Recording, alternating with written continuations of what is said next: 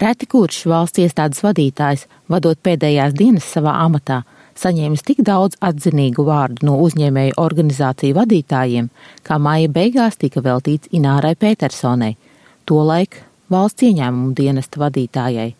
Pēc vairākus mēnešus ilgiem mēģinājumiem atrast veidu, kā reformēt valsts ieņēmumu dienestu un atbrīvoties no darbiniekiem, kuru goda prātu lika apšaubīt ziņas par viņu mantisko stāvokli, stundām ilgām sarunām ar finanšu ministru Danu Reiznieci Ozolu un neskaitāmām intervijām plašsaziņas līdzekļiem, Petersone iesniedz atlūgumu.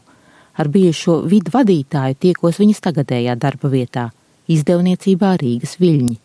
Jautāju, vai šā gada sākumā, sākot atklāti runāt par to, ka dažu amatpersonu atrašanās valsts ieņēmumu dienestā met ēnu uz dienestu kopumā, Petersone paredzēja šādu iznākumu.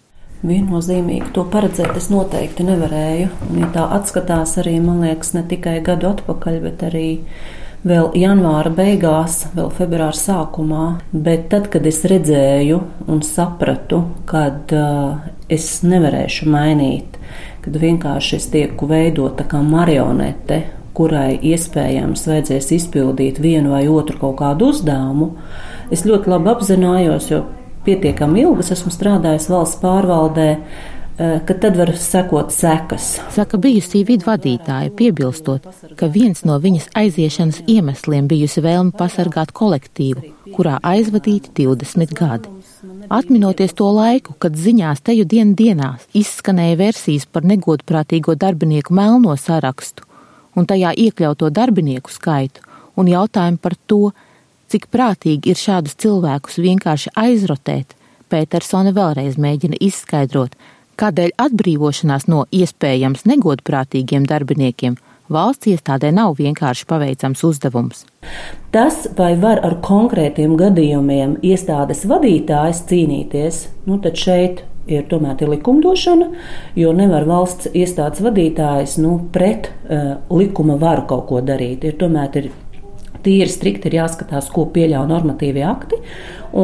Pietiekami daudz arī bija disciplināra soda piemēroti, gan tāpat tās bija krimināla procesa uzsākta. Nu, tīri uz sajūtām kaut kādām ar muguras smadzenēm sajūtot un domājot, ka tas ir blēdis vai, vai teiksim, korumpants, uz tādu pieņemt lēmumu, tas vienkārši būtu neprofesionāli no iestādes vadītāja. Cīņa ar negodprātīgiem darbiniekiem valsts pārvaldes iestādēs tomēr ir tiesību sargājošo iestāžu tādu kā, piemēram, korupcijas novēršanas un apkarošanas birojas. Uzdevums uzsver Petersona. Runājot par pēdējā laikā itin bieži piesaukto nepieciešamību pēc reformām valsts pārvaldē, viņa spriež, ka šādu reformu iespējamība lielā mērā ir atkarīga no politiskās gribas. Apvērsumam valsts pārvaldē ir jānotiek, un šeit nav no valsts iestāžu vadītājiem, bet tīri, teiksim, visādi, ka šos lēmumus var pieņemt un ietekmēt šo pavērsienu. Nevar viena pati iestāde attīstīties. Ir vajadzīgs arī visiem apkārtējiem līdzīgi attīstīties, un kādam šī attīstība ir jāvada. Tomēr, ņemot vērā šogad gūto pieredzi, Petersona neizslēdz, kā aiz politiķu runām par reformām var slēpties pavisam citi motīvi, tostarp vēlme pārdalīt ietekmes sfēras. Manuprāt, tas ir tas nepareizākais, kad politiskie spēki mainoties, velk iekšā kaut kādu iestādi, eh, jo mēs neesam politiķi. Un šajās spēlēs, ja ievelk tik nozīmīgi iestādi, šī gadījumā kā valsts ieņēmuma dienas, tad mēs redzam, kā tas ir. Tas noteikti neveicina ne nodokļu maksāšanu, ne arī sabiedrības attieksmi pret valsts pārvaldi. Pēdējo mēnešu notikumi ar iespējamo valsts ieņēmumu dienesta reformu kuras pirmuzmetums tapis vēl Petersons laikā liecinot, ka gatavojot reformu plānus, nevienmēr ir iespējams paredzēt visus zemūdens akmeņus. Mēs sapratām, ka visas telpas, visa infrastruktūra, lai atrastos katrā vecajā rajona centrā, tas ir dārgi.